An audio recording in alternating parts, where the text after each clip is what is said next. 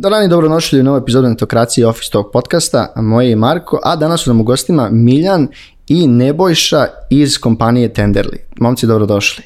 Dobrodošli. Hvala. Mi smo Tenderly pokrivali već odavno nekih ranih, ranih dana, Objavili smo neke lepe vesti koje ste vi imali, to su bilo prvo runda A investicije pa runda B, a negde tačno pre godinu dana sam imao razgovor sa drugom, drugim suosnivačima, to su bili Andrej i Bogdan, su baš pričali nekako kako Tenderly nastao i baš smo pričali o toj investiciji.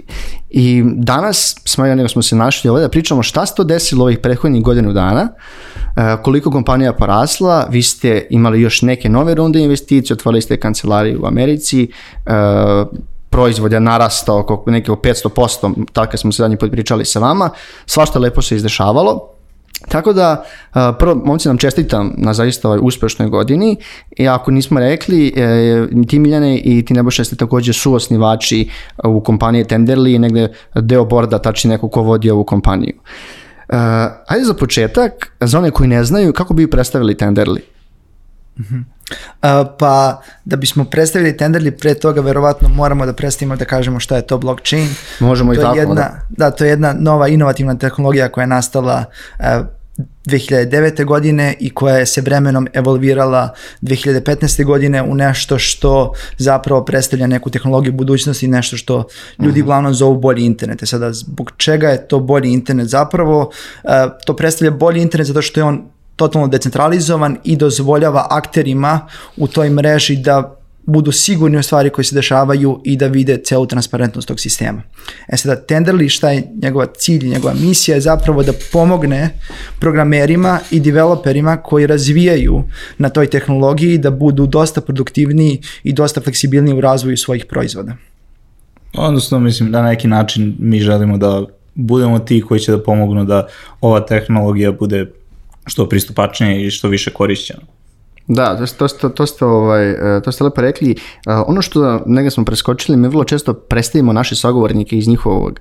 E, tačnije, otkud vi uopšte u preduzetništvu i u tehnologiji, u programiranju? Možete nekom dati kratak sam uvid kako ste se upoznali, šta ste studirali, znam da su o, o, ne, o, Boga ne pričao to već prethodnog dana, ali kako iz vašeg ugla, kako, je, kako ste se upoznali, otkud u programiranju i neke osnovne stvari? Miljane, možete da kreneš. Ajde, mogu ja. Vi ste tad, tad ste, da, mislim, vi ste generalno po zanimanju pro, programeri ili inženjeri, da kažem nekom. Pa da, uh, mislim, tako smo krenuli svi. Uh -huh. uh, dosta je ono, ajde, za mene lično ja apsolutno nisam ni planirao da se bavim programiranjem. Uh mhm. -huh. E, ja sam htio da upišem arhitekturu, ali e, kroz moje poznanstvo sa Bogdanom, pošto se znamo od osnovne škole, on me nekako ubacio u svet programiranja tako što sam prvo hteo da pravim igricu uh mhm. -huh. i Mislim, ono, naša famozna priča kako smo i krenuli da radimo, jeste tako što smo pre skoro 10 godina krenuli da pravimo tu igricu i od tada zajedno radimo. Um, tako da, eto, to je bio, ajde kažemo, moj upliv u, u, u tu industriju i evo, sad se, čak sad, sad se više ni ne bavim inženjerstvom. Ne bojšam. Uh, Pa da, ja sam negde kroz srednju školu, ja sam u srednjoj školi upoznao Andreja, uh mhm. -huh. E, išli smo zajedno u matematičku gimnaziju, posle toga smo se neko razdvojili, nismo imali baš neki kontakt, ali smo se ponovo našli u Devani 2015-16. godine a, i tu smo zajedno shvatili da jako dobro funkcionišemo kao neki tim. Krenuli smo da idemo na neke hakatone, tu smo shvatili da zapravo nama neki format od 24 sata, 48 sati da napravimo neki proizvod i da izbacimo neku ideju zapravo ono, e, super igra, u, igra u tom celom našem nekom uh mhm. -huh. E, procesu razvijanja a, i onda u nekom trenutku kako smo se zapravo našli u ovoj industriji, krenuli smo polako 2017, ja mislim svi nekako nezavisno da a, a, gledamo malo Web3 tehnologiju i blockchain. A, ja znam da sam ja prvi pokušao zapravo da ono, pročitam sve moguće source kodove koje postoje vezane za blockchain, čak i da provam da hakujem neke stvari, kada sam shvatio da to nije moguće da je zapravo ovaj sistem poprilično dobar. Ja sam krenuo da ulažem u njega, krenuo sam da istražujem o tome. Uh mhm. -huh. I onda u nekom periodu sam uh, uh, uh, izašao iz GoDaddy-a, pošto GoDaddy tada Akvizirao. Otkup, da, mm -hmm. akvizirao de, Devanu. Uh, ja sam uh, ušao u startup koji se tada nastao, koji zove Decentar, koji se bavio R&D developmentom na, na Ethereum blockchainu i tu je krenulo neko moje uh, uh, poznavanje blockchaina i razumevanje kako zapravo funkcioniše taj ceo svet ispod da mislim sad je to, ovaj, kažem, web 3 zadnjih godinu dana, možda malo jače, kažem, nova mhm. skupa, ne kažem skupa riječ, ali ta riječ koji se dosta može pročitati, pogotovo na nekim, ne znam, Twitteru, LinkedInu mm. i ostalim mrežama, Redditu, manje, ali e, svašta, znači, hajde negdje da uh, kad, smo si, kad sam prošli, posljednji put ovaj, imali razgovor, baš mislim bio eh, avgust 2021. Vi ste tad imali tu rundu od nekih 15, 15 miliona, kako se ja sećam, to je vodio Excel. Uh, Šta se desilo ovih godinu dana? Ona, evo, godinu dana posle, Miljane, šta, šta se sve desilo u kompaniji? Pa prvobitno promenio se naš potpuno ono, naš stav kako vidimo uh -huh. Mhm. uh, sve i šta šta mi možemo da postignemo i kakav impact možemo da imamo na generalno ekosistem. Mislim da je to bio ono najveće otkriće za nas i kako ono kako je bila seed runda prva koja je nama naterala da razmišljamo na određen način i šta su naši planovi bili tada, mislim, evo, ja mislim da je uh, sa seed rundom smo hteli da dođemo do nekih 28 ljudi uh mhm. -huh. kroz period od dve godine Ovaj, to se, međutim, promenilo i desilo kroz šest meseci. I to je ono, se, serija A je nama bio dosta ono, iskustvo koje nam je promenilo ono, razmišljanje šta možemo da uradimo i sa strane marketinga i business developmenta i salesa i um, onda se u novembru uh, prošle godine desilo isto i serija B nekako i to došlo kao um, prilika koja je nama dosta značila i opet Spark Capital koji je došao mm -hmm. kao možda neko ono, nema, nema, nemaš načina da se susretneš sa, sa njima, možda čak i ono da čuješ za njih, ali onda kad pogledaš ono s kim oni rade i kakve oni nama konekcije mogu da povežu, koje, da nas, s kim mogu sve da nas povežu, da od nama ono, promene neke misli, to je ono bilo za nas najznačajnije i mislim ako sad još gledamo sa strane kapitala, um, to nama dosta znači u ovom trenutku gde, da kažemo, celo ovo tržište nekako se kreće u možda malo nekom uh mhm. -huh. strahovitom ovaj, brzinom jer ono, ne da, znam da, dosta, šta će do, biti. Dosta brzo, od, od, od Sida do serija B, to je, koliko ste imali, godinu nešto dana, ali tako? Manje od godine. Manje. Da. manje da. od godinu dana. Ali zapravo šta se tu dešava, tebi svaki investitor dođe i krene da ti polako priča šta ti zapravo sve možeš da postigneš. I to je nešto što je nama jako puno značilo. Da ti nekako na neki način otvori vidike i da ti kaže mi mislimo da uz pomoć recimo vaše tehnologije, vašeg znanja, vašeg razmišljanja vi možete dosta veće tržište da zapravo obslužite. I to je nešto što je nama zapravo najveći vetar u leđe dalo. Da, mislim, e, možda, srpski osnivači vrlo često vole da bootstrapuju svoj proizvod. Vratno ste iz priče ovaj, iz razgovora s njim to shvatili, ali eh, kad dobijete tako nekakav kapital možete mnogo brže da se krećete, da ispunite neke vaše cilje, pogotovo povratno postoje neke slične aplikacije ili koji su konkurentni, s ovakvim kapitalom možete brze doći do na vaših, vaših cilja. Pa jeste i brzina i sigurnost na kraju dana. Uh Mislim, evo sad ako pričamo šta se sve dešava ovde, dosta firmi sada ono, mora da stane, da razmisli, možda ih uhvata panika. Nama danas to daje ono sigurnost da možemo da i dalje sa sigurnošću opet obazrivi smo i ono odgovorni na nećemo ni mi sad da Aha. Mhm. budemo um, neodgovorni ali dozvoljava nam da ono radimo više na šta možemo da poboljšamo i kako možemo da gradimo još i, i samim tim da proširujemo. Da ste, a ste razmišljali kao da li treba da uzemo novu rundu, da nije možda brzo, ili ste bili, ste bili svi jednoglasno, ma hajde idemo šta bude u fazonu i to? Pa mislim da ne, nikad to nije ono, ono straight forward, mm. uvijek ima malo ono, pa to, upravo što si rekao, kao, je li ovo možda prebrzo, da li nam zapravo treba ovaj novac, um, tu ono, to je, mislim, samo otvorena diskusija, niko nije nikad najsigurniji, mhm. ali ono što znači jeste, mislim da su razgovori sa investitorima i mislim da se dosta razlikuje um, kad pričaš sa investitorima koji stvarno ulažu u kompaniju ne da bi kroz 3 do 5 godina dobili, ne znam, 3 puta više para, 4 puta više, nego koji stvarno misle da ste ono da imate mogućnost da napravite jednu mnogo veću kompaniju i gledaju ono, na duže staze i onda oni isto krenu s tobom da brainstormuju. Mislim da mm. najveća moć koja tebi prevagne jeste kada investitori krenu da brainstormuju s tobom, ovo što je Nebojša mhm. rekao. Um, pitaju te koje su vaše razmišljenja na ovu temu, pa jel bi možda hteli, jel bi mogli ovako da radimo, čak mm -hmm, ono, mm -hmm. tako da i posle onda kreću i da te povezuju sa drugim uh, founderima do koji nikad ne bi došao, koji ono, samo ono, iskustvo je mind blowing. Da, ta mreža znači je dosta bitna. Zapravo novac je tu možda, ne bih rekao da je sekundarna stvar, ali još jedna stvar koja je Tercijal. zapravo tercijalna, da, a, ali stvar koja je jako vredna u ovom celom a, a, VC funding a, a, kompanijama jeste zapravo da ti ljudi mogu nas da spoje sa founderima koji ili su bili u nekom stage-u pre recimo godinu dana, dve godine iz zapravo ovog celog ekos, iz našeg ekosistema. Ako uzmemo primjer naš DevX ekosistem, mm -hmm. mi imamo u Spark Capitalu određene kompanije kao što su recimo Vercel koji je verovatno bio u nekom sličnom stage-u kao mi pre dve godine i gde tačno znaju neke probleme koje mi danas imamo mislim isto mogućnost što je ono Bogdanu dosta značilo, ono, da pričaš sa Devrelom iz Twittera, da pričaš sa nekim iz GitHuba, mislim ako gledamo ono šta je tenderli kao proizvod, mi prodajemo softversko rješenje za druge programere.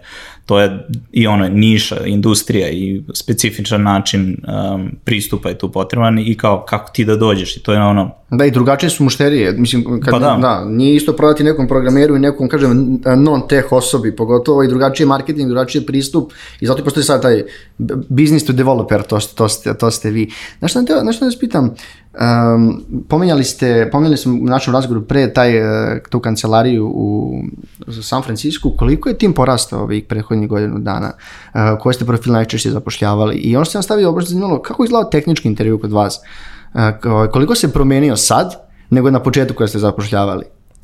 Hm. Pa, ajde da kažem, ovaj tehnički intervju se zapravo nije toliko promenio, Aha.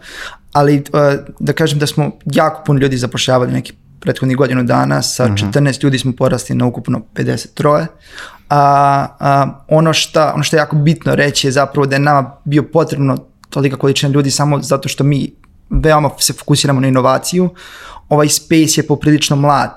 Cijela ova tehnologija je jako mlada, ona se negde nalazi gde se internet nalazio recimo 90-ih i potrebno je dosta nekih building blokova napraviti kako bi uh, ovaj space zapravo mogao da, da, da se komperuje i da se ošte poredi sa, sa ovde gde je trenutno danas internet. I onda iz tog razloga smo zapošljavali razno razne neke kadrove, uh -huh. uh, pre svega je tu bio inženjering, ali dosta ljudi u marketingu, produktu, people and ops delu E, kad baš pričamo o tome, kako zapošljavamo, evo, 53 ljudi to uopšte nije malo. Ti možda mi pričaš baš te organizacijne strane koliko se promenilo da fino, kako fino funkcioniše sad i hmm. sa 14 i sa 53. A, ne baš kad se spomenuo, kako tačno zapošljavaš te ljude za neku novu, za neku stvar koja jednostavno nije dovoljno uh, poznata, nemaš dovoljno blockchain programera, nemaš, ljudi ne znaju programski jezik kako je tu, kako, jel, koliko je edukacija bitna, jel, generalno, generalno prvo da ono, na, baš zapošljavate, jel, malo promenilo tržište sad pa godinu dana, jel ima više, je, jel neko dođe kaže ja sam blockchain programer, ili ipak su ono ljudi koji vi ih učite ka blockchainu posle? Da, pa u suštini ne postoji toliko puno blockchain programera. A, ono što smo shvatili, mislim, jedan proces koji smo imali zapravo kad god nam dolaze neki novi zaposleni jeste da ima neki deo onboarding perioda koji traje dve do četiri nedelje gde mi zapravo osobu edukujemo o tome kako blockchain funkcioniše, koje su neke mane, koje su neke dobre strane blockchaina. Um, ono što smo shvatili je zapravo da to ne skalira baš najbolje, tako da smo krenuli da razmišljamo o tome kako taj, kako taj ceo onboarding flow može mnogo mm -hmm. bolje da funkcioniše tako da uh, u, u, on, celom delu ovaj, uh, uh, svega toga ono, potrebno je još ja, mislim jako puno vremena da ono cijela neka edukacija o blockchainu zaživi kako bi mhm. zapravo kako bi zapravo imalo dosta više ljudi koji razumeju te cijelu tu novu tehnologiju. Da, ali mislim da je to ono ključna stvar jeste ono kulturološku stvar koju smo tražili u ljudima, koja mm -hmm. nije samo i u inženjerstvu, ali opet um, kroz svi jeste taj problem solving mindset koji ono stvarno mislim da nije potrebno da se limitiramo da, ono, da, na ljude koji samo znaju i razumeju blockchain, mislim da ono, ljudi koji imaju generalno takav pristup ka rešavanju mhm. problema mogu kada dobiju kontekst blockchaina, oni to znanje opet i taj pristup mogu da primene na neku potpuno novu nerazvijenu industriju i mislim da je to ono isto jedan od možda većih selling pointova koji imamo. A koliko je teško, ja da sam primjer, s organizacijne strane, e, znači ono, najteži deo, bar priče sa ljudima, je kada kompanija raste negde između 10 do 50. Koliko je vama bilo teško, pogotovo tebi, ako se više baviš operacijama, mm. znači koliko je da, ono, formirati timove, verovatno sad, ono, 50 ljudi, svako ima neke svoje zahteve, znači koliko, koliko, koliko ti je bilo, ono, koliko si naučio stvari o vođenju firme tokom i prethodnih godina dana? Uh, previše. Da.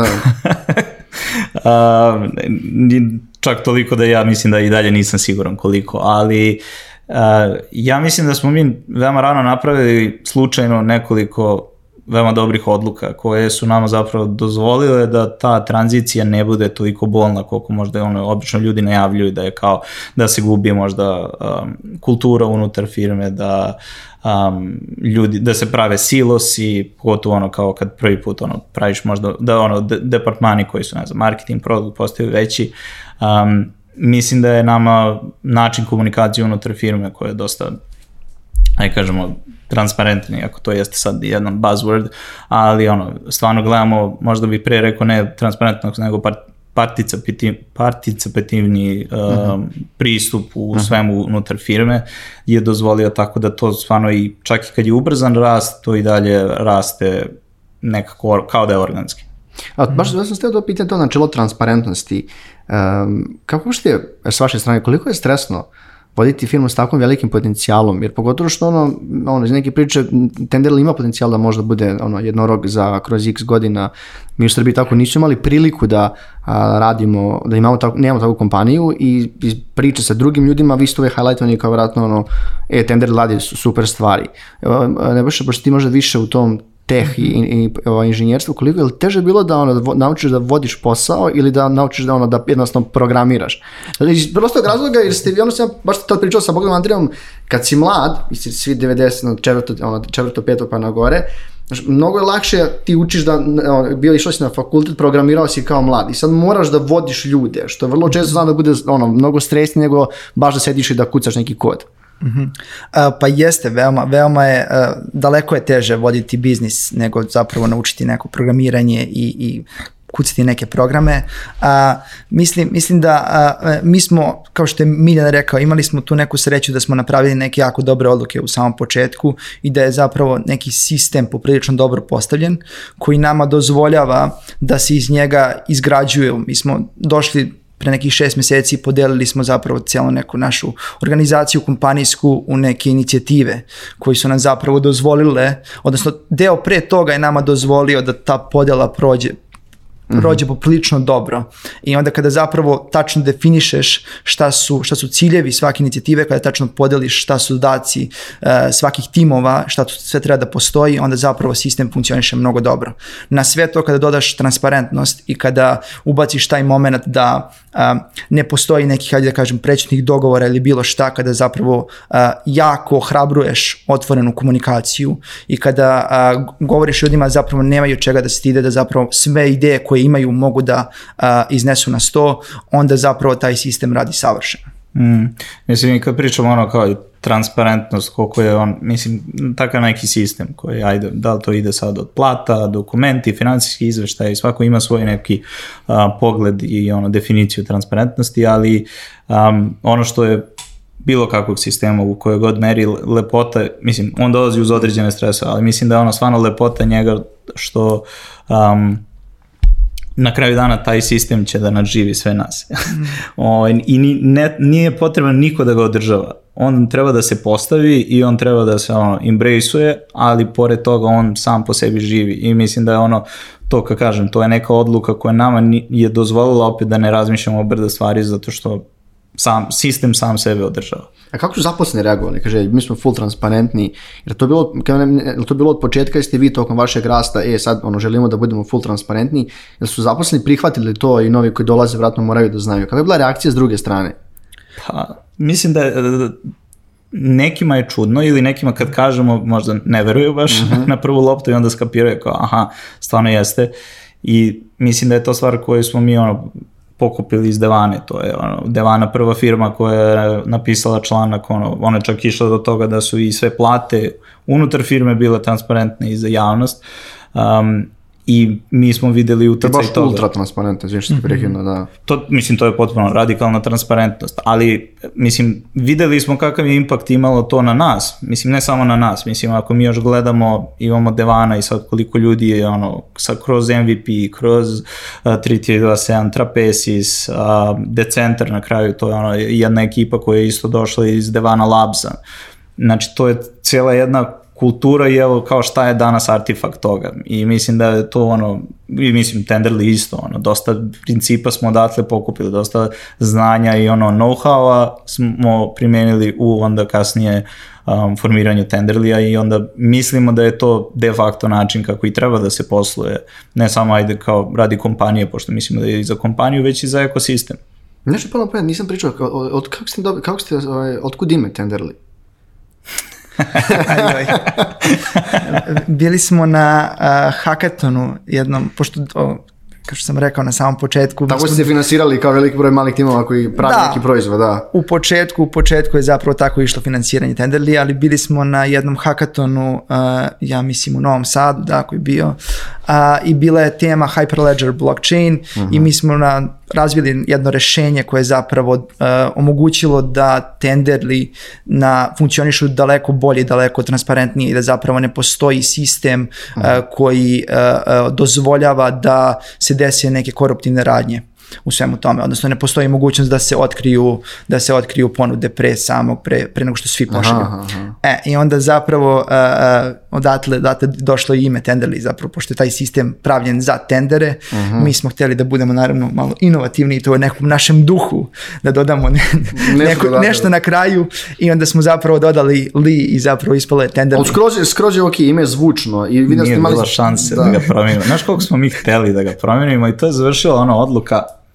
eh, promenit ćemo. Kao, kad dođe vreme, promenit ćemo. Da. A meni se sviđa, meni, mislim da je branding ne, ne, sjajan. Ljubičaste, ono, baš lepo, menjali ste skoro ovaj, ono, neki branding. Uh, meni se sviđa. I boja je lepa i uvijek uvijek ima neka ta ljubičasta, ime je skroz zvučno.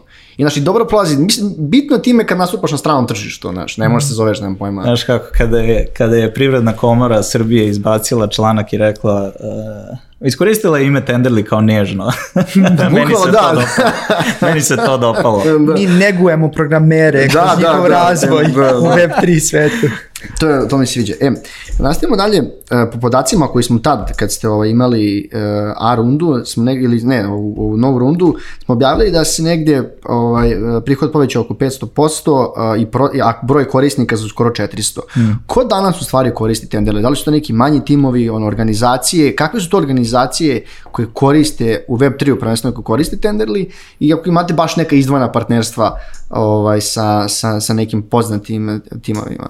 E, pa da, zapravo danas timovi koji koriste Tenderly su veoma zvučna imena u celom ovom spaceu, ali oni kada su krenuli da koriste Tenderly, oni nisu bili toliko veliki. Mm -hmm. Mogu da napomenem neka od imena, recimo Gnosis, e, mm -hmm. uh, Synthetics, Ave, koji su 2018. i 2019. godine bili ne toliko poznati u ovom celom spaceu, tada su tada je bio vreme ono ICO manije koja se završila tada i onda je bilo jako puno kompanija koje su digli mnogo novca, tako da kompanije koje su zapravo tada imale neke validne proizvode nisu uspjele da se probiju na tržištu, ali danas a, dosta tih nekih velikih kompanija zapravo su jedni od promotera naših alata i zapravo um, pričaju drugim kompanijama da oni nas koriste i zapravo može se vidjeti u njihovim on, open source projektima da zapravo oni koriste Tenderly. Uh, tako da odatle je sve krenulo i onda uh, svi novi ljudi koji dolaze u space uglavnom po, prem, po principu word of mouth uh, uh, uh, dođu do nas i otkriju naš proizvod i vide koliko im to zapravo znači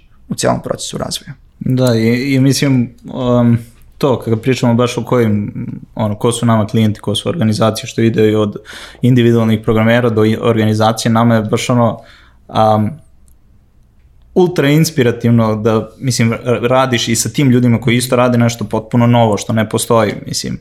I neki naš pristup ka tome je bio je um, da mi imamo direktan kanal sa svakim klijentom, mislim da ono, Bogdan je u jednom trenutku seo pobrojao sve kanale i bio kao imamo preko 100 direktnih kanala, u kanalu ima, ne znam, 15 ljudi programera Aha. iz mhm. druge firme.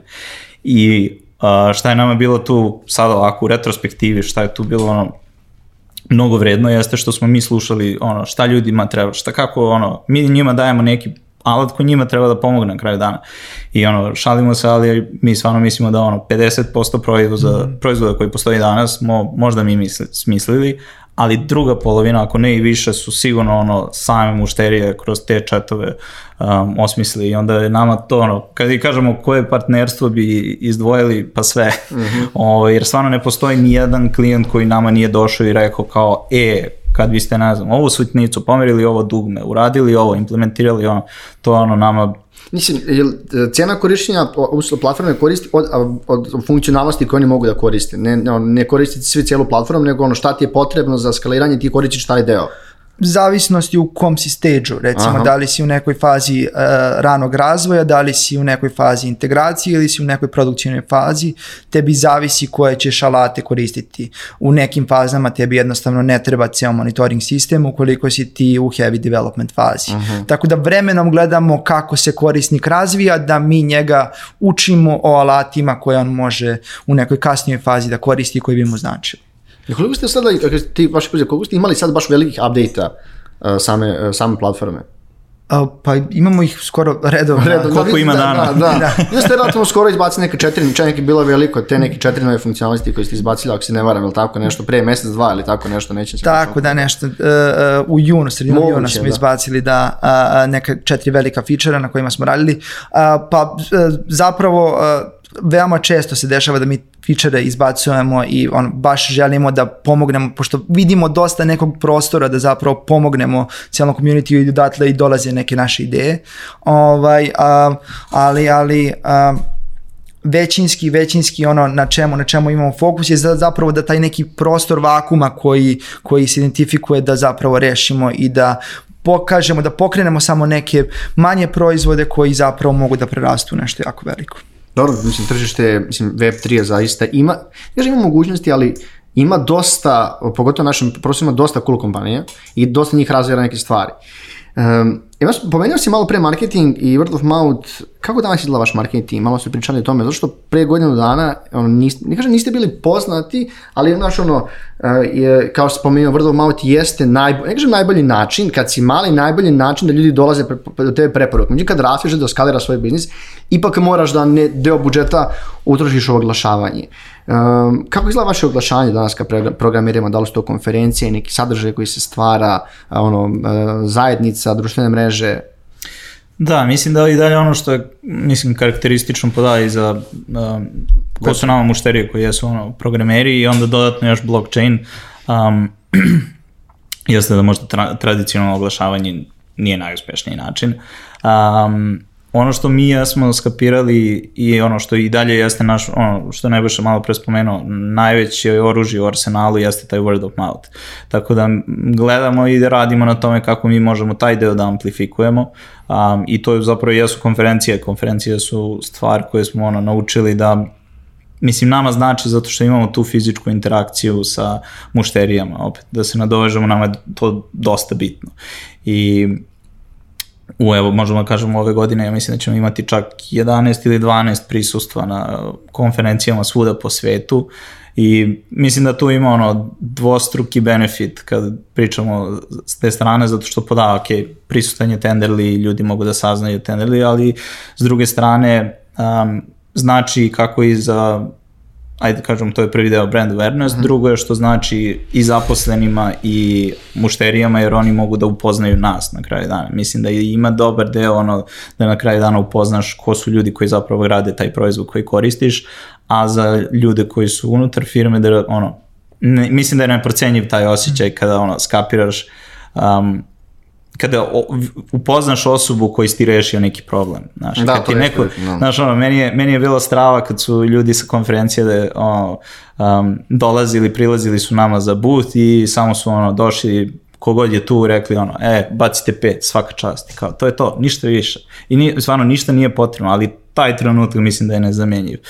Tako da, um, baš gledamo kako to ono, da taj deo pojačamo i opet da ono, radimo i ono neke stvari kao što si rekao, imali smo tu veliku objavu i mislim da mi nemamo ono sad kao, e ova nam je prva veća objava, mislim da mi imamo mnogo velikih Aha. uh, update-a i stvari koje izbacujemo i to ono, gledamo kako da se i na tom polju aktiviramo, da dosta više pišemo o tome, da dosta više to nekako predstavljamo, što isto su dolazi do pozicije Devralova. Koja, ono... Da, to, to će biti naredno pitanje, ali sve ste, da Bogdan je baš pričao sa Ivanom, našim ovim, ovaj, osnivačem, baš na tu temu. Uh, I on je pomenuo, sam sjetio, koliko je bitan taj support u, u firmi.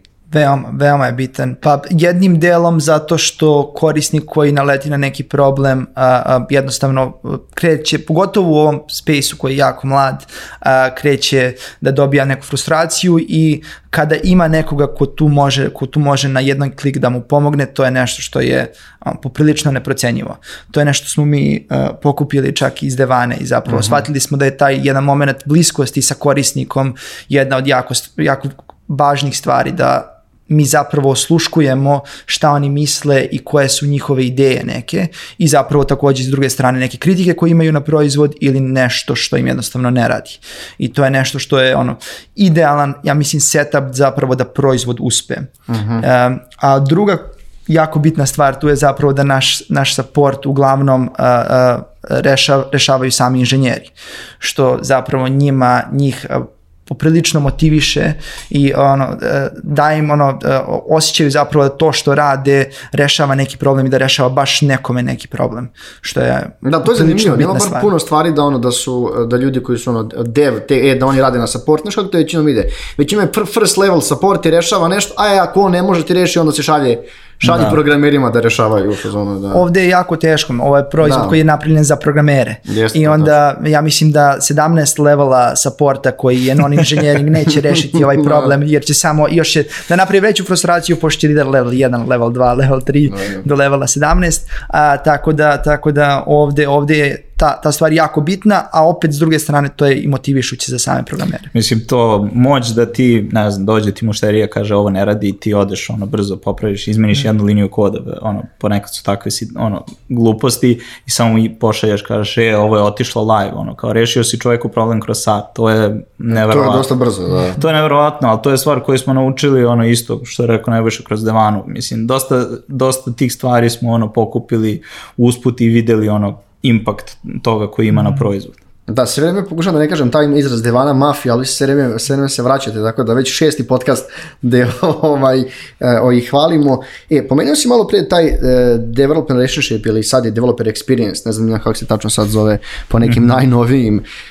Um, to u Srbiji ne znam koliko kompanija ima i koliko uopšte ima osobe koje su baš ono devrel, koji se bave baš tim, eh, baš tim pojmom. Uh, Uh, u, u svetu naravno postoji kompanije koje su, kao smo rekli, kojima su programeri ciljna grupa, ali kažemo korisnici, onda imaju to novo izdvojeno uh, odeljenje. Hajde malo da pričamo ovaj, o tom. Vi ste nedavno zaposlili osobu koja se bavi tim, mm -hmm. rekao ste da zapošljavate dalje. Šta tačno ta osoba radi? Šta je uopšte DevRel? zapravo ispravka zaposlili smo dve osobe. A dve osobe, to je izvinjavam se, da. a, pa, ka, kao što si rekao, a, malo ima kompanija, pogotovo u Srbiji, koja ima ciljna gru, grupa programeri um, o, kao što sam rekao ponovo da, da zapravo ovaj space jako mladi, ima jako puno stvari koje je trenutno izgradnji mm -hmm. i ono šta, ono kako to funkcioniše, grade se neke komponente na kojima se nadograđuje. Sada da bi se zapravo kvalitetno nadograđivalo na nekim komponentama koje već postoje, potrebno da se jako dobro razume šta, šta je ta komponenta na, nad kojom se nadograđuje. I onda ono što smo mi zapravo prepoznali jeste da je on, u jednom trenutku naš alat postao jako, jako kompleksan da se razume. Uh, i, I zapravo ljudi teško otkrivaju neke stvari u samom alatu ili on, nisu sigurni da li im je šta im je potrebno.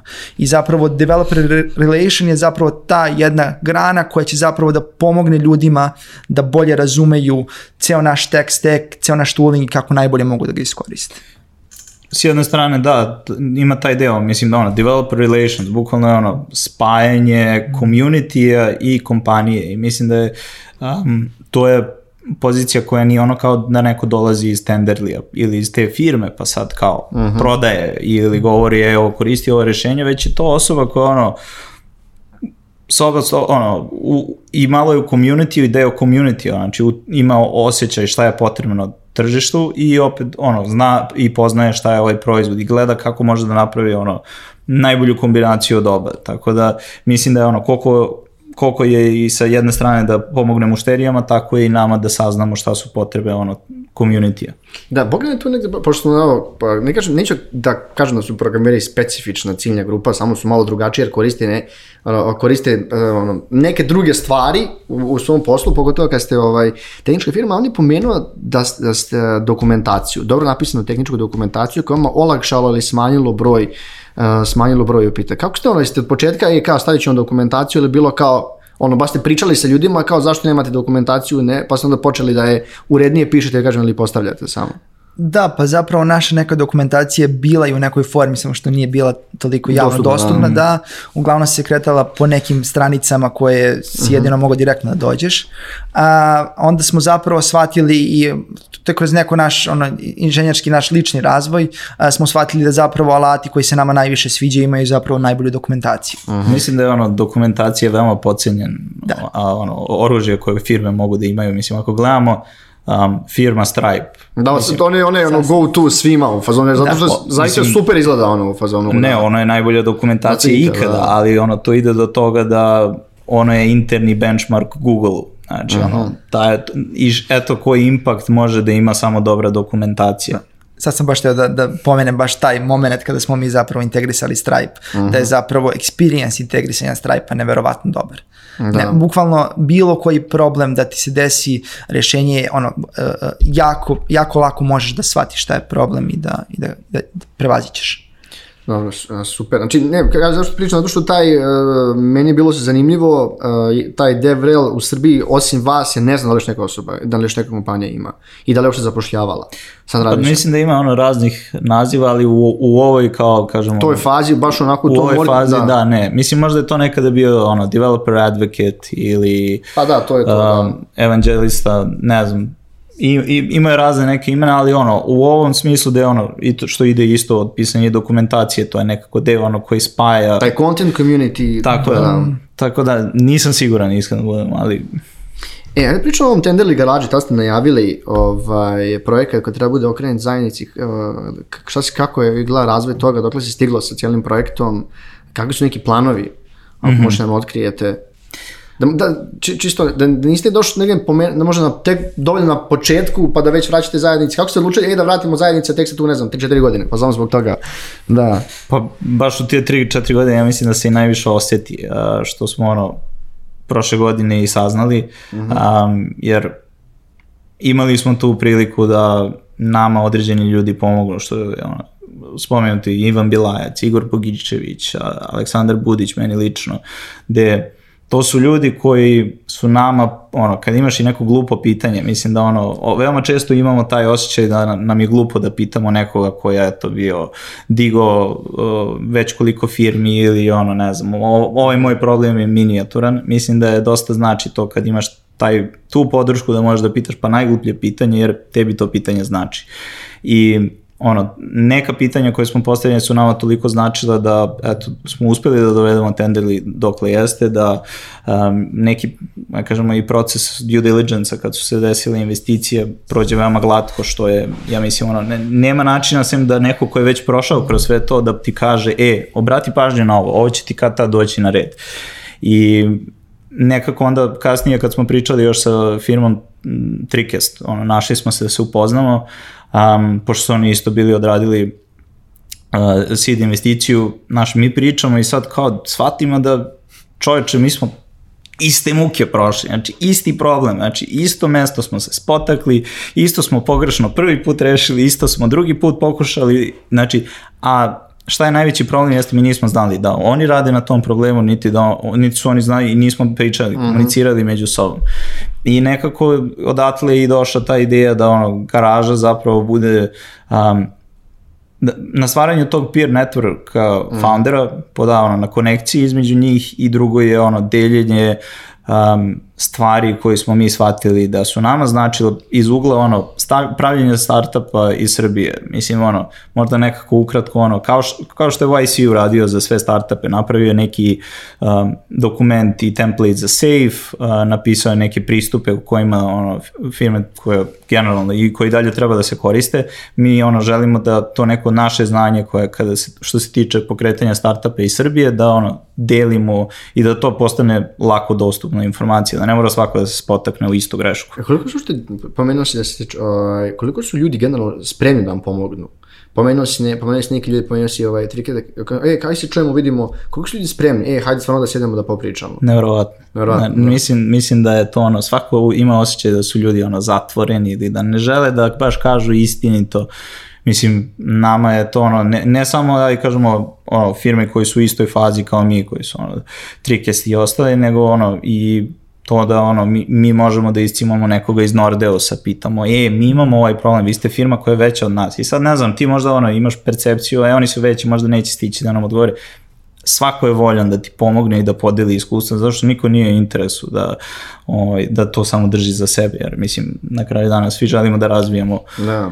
da kao što su nama, eh, eh, u našem slučaju investitori dosta pomogli da se spojimo sa nekim ljudima koji mogu da nam pomognu u različitim fazama, tako smo i mi shvatili da zapravo ona, ljudima koji još nisu stigli do faze VC fundinga ili do, do nečega, zapravo napravimo neku zajednicu koja će moći da im pomogne i koja će moći da, da, da ih dogura do nekog sledećeg cilja uh mhm. -huh. koji oni imaju. A, e, znaš, baš me sad palo pamet, um, uh, ok, imali ste neki track record iza vas, ako pogledaš pregodna kad niste bili, kažem, toliko u medijima ljudi nisu znali za vas, jer mm. isti tako bio odgovor tih ljudi, ej, ajde da vidimo, ajde da pričamo, da su bilo onako kosovi. Znaš, ti si pomenuo da su ljudi stvarno, e, da li imaš oči to zašto ste već imali nešto iza sebe, ili je kao, e, zašto ljudi stvarno žele da pomognu i da pričaju međusobno?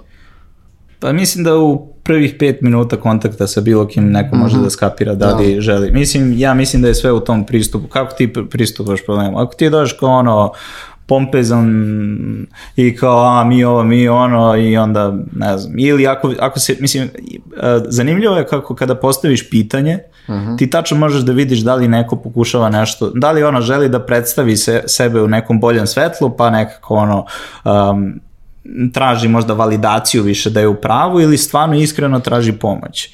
I mislim da ono, mislim da nije bitno jer opet kao kad smo mi krenuli kao um, Tenderly, mislim, šta je, ok, sem što smo već bili, kao radili smo u Devani, ništa nije bilo što je moglo da garantuje da ćemo mi da napravimo dobar proizvod. Ali opet ljudi su bili voljni da nam ono, pomogu. Ili da nas saslušaju, pa makar ono, na kafu pola sata. E, a njega su pričali, ovaj, o, pričali smo o vama ovaj prethodnih, e, prethodnog delu podcasta, hajde malo da pričamo o Web3-u, znači o tom tržištu gdje ste vi. Kakva je trenutna situacija, ovaj, pošto se, svi znamo šta se desilo, šta se dešava sa kriptovalutama da tržište, da je taj bear market true, tu koliko projekata Palma neće proživeti? Pošto se vrlo često priča o tome, znaš, ovo je, e, negde smo došli u te faze čistilišta, da kažem, e, kako je vaše mišljenje o tome? Pa, e, e, tačno je da je verovatno krenuo ne, nešto što bismo mogli da zovemo bear market, e, međutim, bear market je postoje nekog perioda 2018. do 2020. godine, mm -hmm. gde bih rekao da je cela jedna ona ICO manija perioda, a, e, gde startupi koji su a, e, imali jako puno a, e, rezerve u novcu, zapravo nisu preživeli. A, mislim da je Space dosta, dosta naučio iz, iz tog prvog bear marketa i zapravo mm -hmm. da a, ako pogledamo sada šta se desilo recimo od 2011. i počet, 2021. i početkom 2022.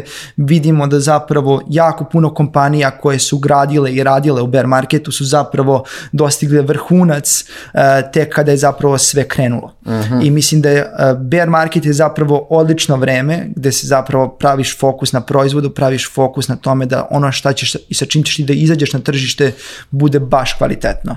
I mislim da je to ono super stvar za zapravo da se desi, pogotovo u ovom marketu koji je poprilično mlad, mlada tehnologija, pričamo o tome da smo tek na nekom početku i da je zapravo jako dobro da krene tog nekog pročišćavanja zapravo da, da neke kompanije koje zapravo možda nemaju toliko dobru ideju jednostavno ono, e, prekinu sa razvojem, e, a da zapravo čak i da je ta ideja možda dobra, neko će kasnije uzeti tu ideju i napraviti je, napraviti je realizovati. Da bio je baš ogrom hype kad je krenula korona mm, mm. oko svega, oko kripta, oko celog sveta, oko celog space, ali mislim da je fokus nije bio na, uh, nije bio na tehnologiji, nego bio na tradingu, što je mm. apsolutno pogrešno gledanje cijele, cijele svih stvari, razumeš.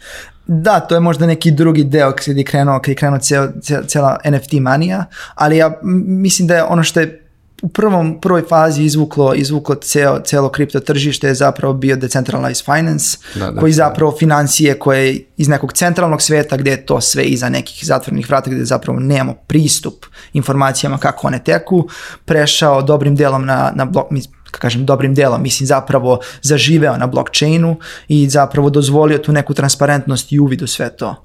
A, I mislim da je to glavna stavka koja je zapravo izvukla iz bear marketa celo prvi put to kripto tržište.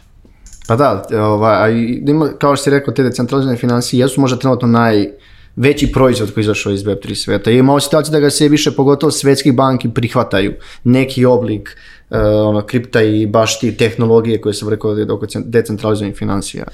Da, ja bih rekao da je to možda, kažemo, za, za general purpose blockchain mm -hmm. uh, jedan od on, product market fit baš pravi i prvi koji je možda, ajde da kažemo, zaživeo veoma na, na celom ovom tržištu. A kad pričamo, pošto sam svakog čega sam dostavio pitanje, pošto je generalno svima koji dolaze iz, iz Web3 i, i ovog sveta, pričamo o decentralizaciji. Koliko, vam decent, koliko je tebi decentralizacija bitna? Pošto, evo, meni kao mm. korisniku, mm da li meni pretarano bitno da nešto decentralizovano, neki proizvod koji ću ja da koristim? Mislim, ka, ka, razumem, kao builderima, ok, bitno je da ono što vi ga radite budete decentralizovano, ali znaš, da li korisnicima možda bitno da to sve bude decentralizovano? Pa mislim da ono, ima, ima tu više pristupa. A ono što se kreo, ono, ljudi koji misle kao ja sad sve mhm. treba da bude na... Ima dosta a, takvih, ima jednih i drugih, da. Pa ima. I no. Da. ono, sad možeš ti da kažeš, e, hoću i da mi Airbnb bude na, o, ovaj, Blockchain. na blockchainu, ali zašto?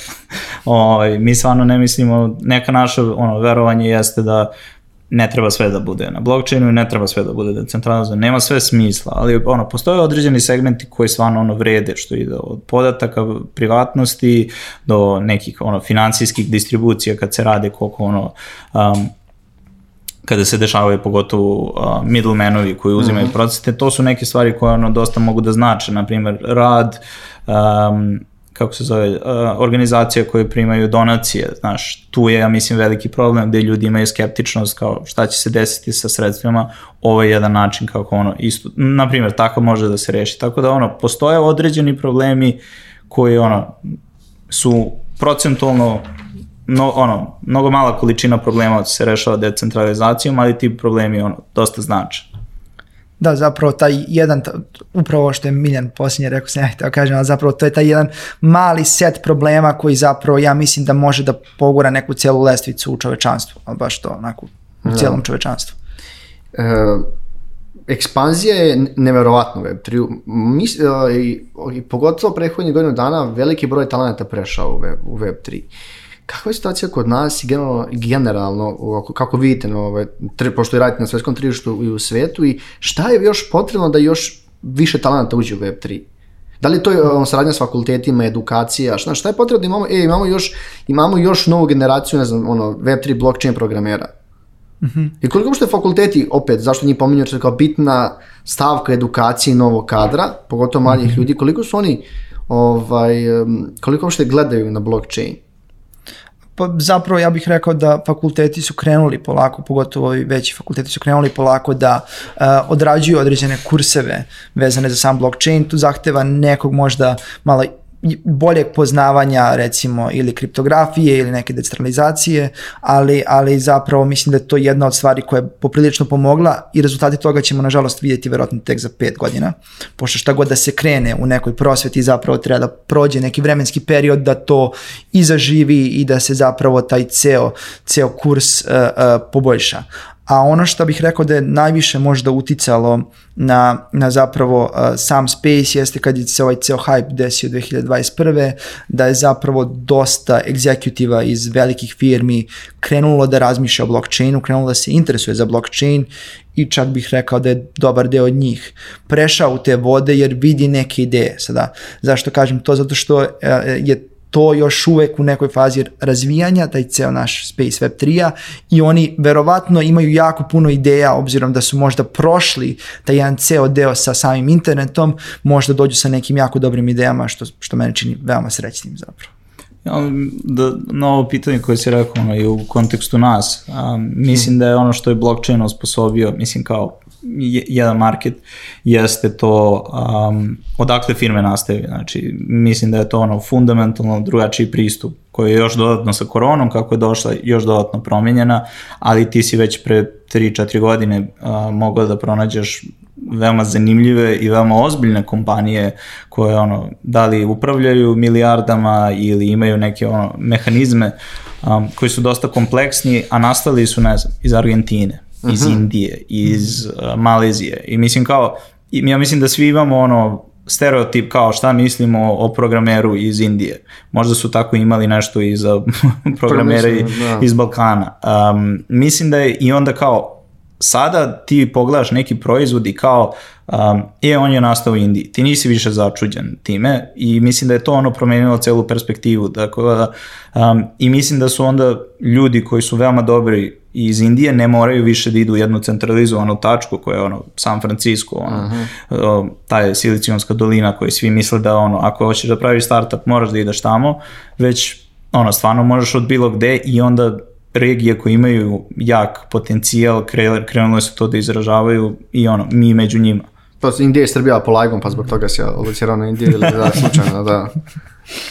E, hajde, isto, malo pomenuli smo NFT, pomenuli smo DAO, zašto sam ih stavio, zašto je bio je nenormalan hype 2021. Znači, svi su pričali o NFT-u, imaš milion, čak i čak su se kurse pojavili u Srbiji, ali da ovaj, ne pričamo trenutno o tome. Um, Hajde malo objasnimo kako vi gledate uopšte, kako ste, kako ste uopšte gledali vi, na NFT-eve? Da li, eh. da li smatrate da vidite negde njihovu primjenu u budućnosti, ne samo da bude ona sličica, nego baš da imamo neku primjenu na tome? Uh, ja moram da priznam da ja još uvek ne razumem uh, da kažem, celu svrhu NFT-eva, ali takođe ja ne razumem ni zašto bi neko dao nekoliko stotina miliona dolara na ne, za neku sliku, obično. Tako da mislim da a, verujem da postoji neke stvari koje možda ja ne razumem i koje ću tek u nekom trenutku shvatiti zbog čega zapravo to funkcioniše tako, ali mislim da je jako dobra stvar što su VC-evi uvideli tu celu, tu celu stvar da zapravo ima nekog product market fita, a, da su zapravo ušli sa jako puno kapitala u ceo taj space, mm. da, i da je zapravo to pokrenulo raznorazna neka razmišljanja. Meni je uvek drago kada vidim da a, dosta kapitala ima na samom tržištu, zašto što se tada a, može da, mogu da se privuku raznorazni talentovani ljudi da rešavaju neke probleme koje postoje u samom spisu. NFT je možda dobar primer toga jer je pokazao da neke stvari jednostavno a, na samom recimo blockchainu ne skaliraju dovoljno dobro. Videli smo kako se zapravo neke platforme koje su jako velike za trading NFT-ova uh, pokazuju kada zapravo imaš toliko puno, toliko puno trade-ova. Uh mhm. -huh. uh, I što mislim da je zapravo super stvar jer se na taj način očvršćuje samo tržište i zapravo vide se neki problemi koje, se, koje bi se potencijalno videli daleko kasnije. Miljane, da ima šta da pa- daš?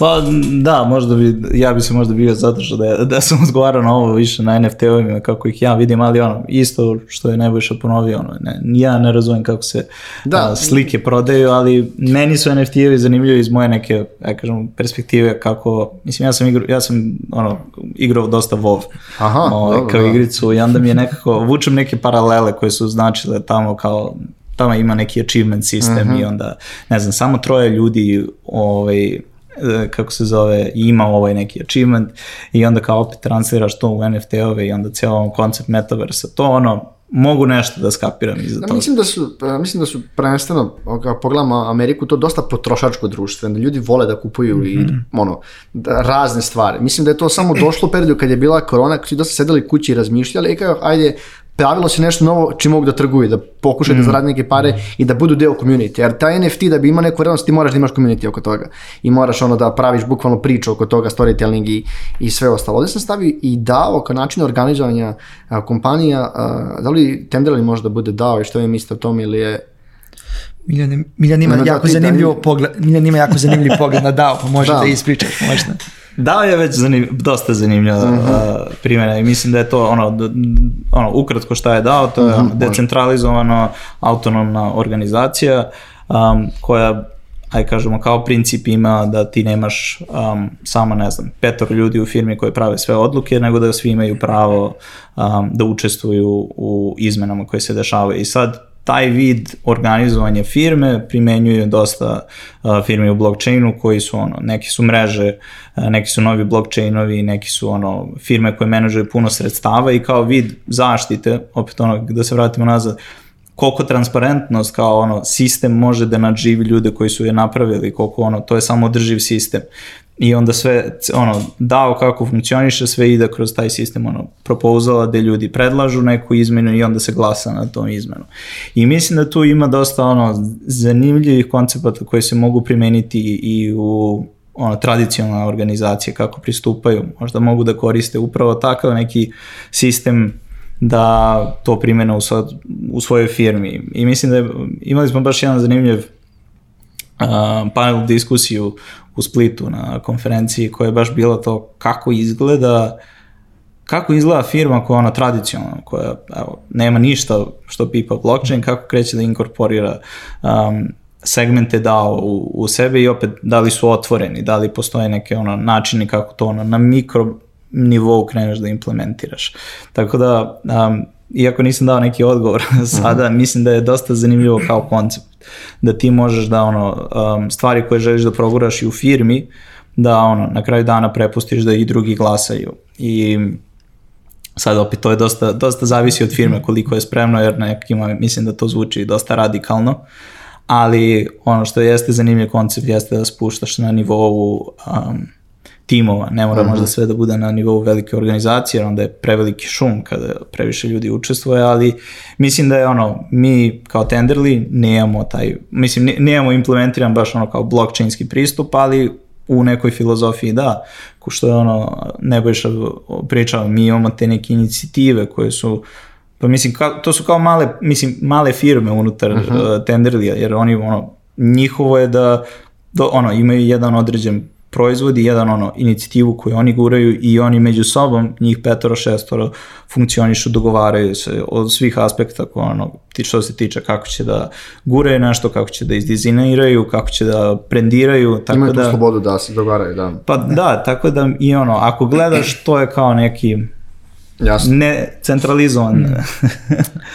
da, taj, taj koncept direktne demokratije otprilike je neki koncept dao u to To. A, međutim, ja mislim da to jako teško funkcioniše nakon određenog broja. Mm -hmm, Mislim, ako uzemo primjer države. E, mi u državi našoj biramo 250 ljudi koji će da donosi zakone i to je full time posao. Da. To je da. posao koji radi ceo ceo svoj dan. Ovaj, i, I onda je zapravo, ja mislim da je jako teško uh, tu odgovornost preneti na svakog člana firme i da zapravo on mora da bude taj koji odlučuje o tim stvarima, a ja mislim da u nekom trenutku potrebno jako puno vremena da se donese dobra odluka. Jeste, jeste. Da, ima dosta sad ono što je rekao, to je to ono kao vid demokratije. I sad ono, svi imamo stavove o tome da li demokratija ili šta. Mislim da je ono sad nastaje isto rešenja, pogotovo za dave kako da se implementira, ne znam, meritokratija i mm -hmm. likvidna demokratija, što je, ono, ako gledamo i u strane Tenderlija, mi isto takođe, ono, imamo tu transparentnost, ali ne verujemo u, u u demokratiju, verujemo više u meritokratiju, odnosno mm -hmm. da osoba koja nešto predvodi i radi ima um, ono, mo, će da sasluša sve predloge koji su stavljeni na sto i da ima razumevanja prema svima, ali na kraju dana napravit će najbolju odluku. No. I da. to je ono što mislimo da je potrebno opet, pored poverenja. Pa i mm. negde su i mišljenja podeljena. Mislim, neki ljudi iz domaće zajednice su baš za to, neki su kao, nikako, Bjelac kaže da je zadruga, Cerovac je vjerojatno ono, ako može, sve na blockchain. Tako da, mislim, sve zavisi, kažem ti, i različite su podeljena su i kod naše zajednice su podeljena mišljenja oko toga. A, mislim da je super koncept i da mislim da treba da se razvija dalje i mislim da treba da vidimo kako taj koncept funkcioniše e, sa 50 ljudi, sa 200 ljudi, sa 1000 mm. ljudi, da, da bismo zapravo znali e, da li tu ima nekih problema koji još treba da se reše. A da, što je, mi, ja slažem s tobom, mislim da što je veći broj ljudi kao i za nekog donošenja odluke u državi ili ste, mm. teže Mm. Znaš. E, ajde pa pričamo o Web3 protokolu, vi radite na Ethereumu i koji je dominantan, uh, ja sam sastavljao pre mjesec dana ako se mi dogovarali što se promenilo, gledaš se, gledaš se, gledaš što sam stavljio ovde, uh, na, vidim da su najavili Ethereum 2.0, um, da li će Sentinel biti možda dostupan nekim drugim protokolima i šta se dešava sa nekim, ne znam, ono, hype-om oko Solane, Nira, Avalanche ili ipak ste vi ono full Ethereum u ovom trenutku? A, pa mi zapravo ne podržavamo samo Ethereum, Aha, mi podržavamo blockchainove koji imaju taj deo koji se zove EVM, odnosno Ethereum Virtual da, da, da. Mašina, kao zapravo svoje jezgro. Uh, jedan od tih proizvoda je Avalanche, koji zapravo mi imamo kao mrežu koju podržavamo na našoj platformi. Uh, uh, definitivno, definitivno konstantno gledamo i pratimo zapravo u kom smeru se razvijaju drugi blockchainovi i definitivno nekada imamo u planu da, da, da integrišemo i druge non-EVM protokole koji bi zapravo, na koji vidimo da postoji određen deo hajpa gde vidimo zapravo da postoji smisla smisla da ti mhm. protokoli, da ti protokoli imaju podršku za našu platformu. Da li, da li je Ethereum toliko jak da ne može da izgubi vodeću poziciju u trenutku? Uh, Pa ne, mislim da ne, ne sigurno, da, da, sigurno da nije, da. da. Mislim kao Ethereum, imamo sad ne. i Polygon isto, ono. Da, isto dobro, to, da, da, da. da. Koja podržavamo i sad, ok, oni su, što rekao Nebojša, svi imaju za jezgro isti koncept, da li sad pitanje da li je to ono, da li će da koriste Polygon, Ethereum ili Solanu, mislim da je upravo u Ethereum da li je, Da li znam Polygon, ono, saj, ono, L2 rješenje sidechain, kako, e, Polygon, e, sam kako vi gledate? Da, da, da, sam baš da. kažem za taj deo. Ethereum 2.0 je zapravo jedan od ono, ključnih komponenti koji će zapravo da, da omogući neki vid skaliranja stvari na blockchainu. Mm -hmm. Mi danas imamo neka određena L2 rješenja s tim što su oni poprilično u nekoj svojoj ranoj fazi. Uh, uglavnom su ta neka dva rješenja podijeljena na, na, uglavnom su ta rješenja za, za, za L2 podršku podeljena na neke dva, dva dela i neću ulazi sada mm -hmm. dublje u to, ali, ali mislim da mislim da potrebno ono, širi konsenzus cele zajednice da se dogovori oko toga kako će da izgleda skaliranje same, same mreže. Ethereum ima taj problem koji je veoma poznat problem, a to je da, da su cene gasa poprilično visoke, što zapravo uh, znači da, da je mreža poprilično zasićena, odnosno uh, ima jako puno ljudi koji žele da koriste tu mrežu. I definitivno jedan od načina da se to da se to desi jeste zapravo da uh, se problem skaliranja reši. To jednostavno nije toliko jedno, to, to, to veoma težak problem zato što uh, blockchain kako je koncipiran ima u svom jezgru nešto se zove problem trileme, Aha. a to mhm. je uh, decentralizacija, skaliranje i security. A, mi znamo kako izgleda rešenje bez decentralizacije, to možemo kažemo da je AWS uh, e, ima sigurnost i ima poprilično veliku, veliku Aha. mogućnost skaliranja, ali ceo problem uh, decentralizacije kada se uvede uh, zapravo dovodi do toga da ukoliko želimo da neki koncept bude decentralizovan, mi jednostavno ne možemo da imamo puno transakcija na toj mreži, nego zapravo moramo da gledamo druge načine kako ćemo da, da, da rešimo taj problem i to su zapravo L2 rešenja i Ethereum 2.0 što ne bližemo ovaj, uh, kraj emisije, uh, ajmo kažu sad kratko pričamo samo o Web3 ili kažem ovaj, blockchain zajednici u, u Srbiji. Ako pogledate danas, 2022. i pre 5 godina, koliki je put, put prešla? Uh, ogroman, ogroman put. Uh, mislim da, mislim da uh, od samog, ajde da kažem, od samog starta do danas imamo jako puno nekih timova koji su se, koji su uskočili, ajde da kažem, u ove vode uh mhm. -huh. Web3-a i koji su verovatno bili svesni ili nisu čak ni bili svesni mana ove cijele, ove cijele tehnologije i koliko je ona rana u ranoj fazi i zapravo a, a, oni, oni, oni su ti koji najviše pomažu cijeloj ovoj tehnologiji da, da zapravo uspe i da dođe do nekog stadijuma gde možemo da kažemo da može da bude neka sledeća stvar koja će zapravo da zameni neke stvari koje danas mi koristimo zdravo za gotovo jer što kad pričamo o, o zajednici domaćoj, e, si, postoje neki novi timovi koji su još ono negde ispod radara, ali mape da se jave, imamo nešto, radimo slično. Jer se javljaju vama neki ono manji timovi koji nešto sede, razvijaju. Jeste imali takve do sada slučajeve? Ili možda znate za neke nove mm. koje kao ovi su možda okay, ili... Jesi pa, pojave nekad neko? Pa po, pojave se, mislim, ono, ne, Spravno, ne u nekoj, da, mm. ne u toliko velikoj meri, ovaj, ali mislim da ima dosta ono firme koji se bave web 3 nisu toliko poznate, ono, mislim, Defi Saver, odnosno Decenter, jedna da, ono, da. firma koja nije ovaj, toliko isto poznata, rade fenomenalnu stvar. Mislim, pa, da, nisu dovoljno izreklamirani, nek, ali mada su zadnje to dosta ne pojačali, ovaj, e, možda se nisu bili javno toliko, ali mm. oni koji su ljudi koji su rade ovde znaju za njih apsolutno svi u fazonu, da. Da, mislim, ima još ono brda um, firme koji su ono bili prošle godine, koje možda nisu ni, ajde kažemo, 100%, mhm. nije 100% tim odavde, ali uh mhm. -huh. ono, dobar deo tima radi odavde. Mislim, i bio i Tempus, um, i isto je bio ovaj, Solarize. Aha, da, ok, znam da, Solarize Finance, da. Um, tako da ono, ima dosta timova odavde koje ono, rade nešto i dosta zanimljivo.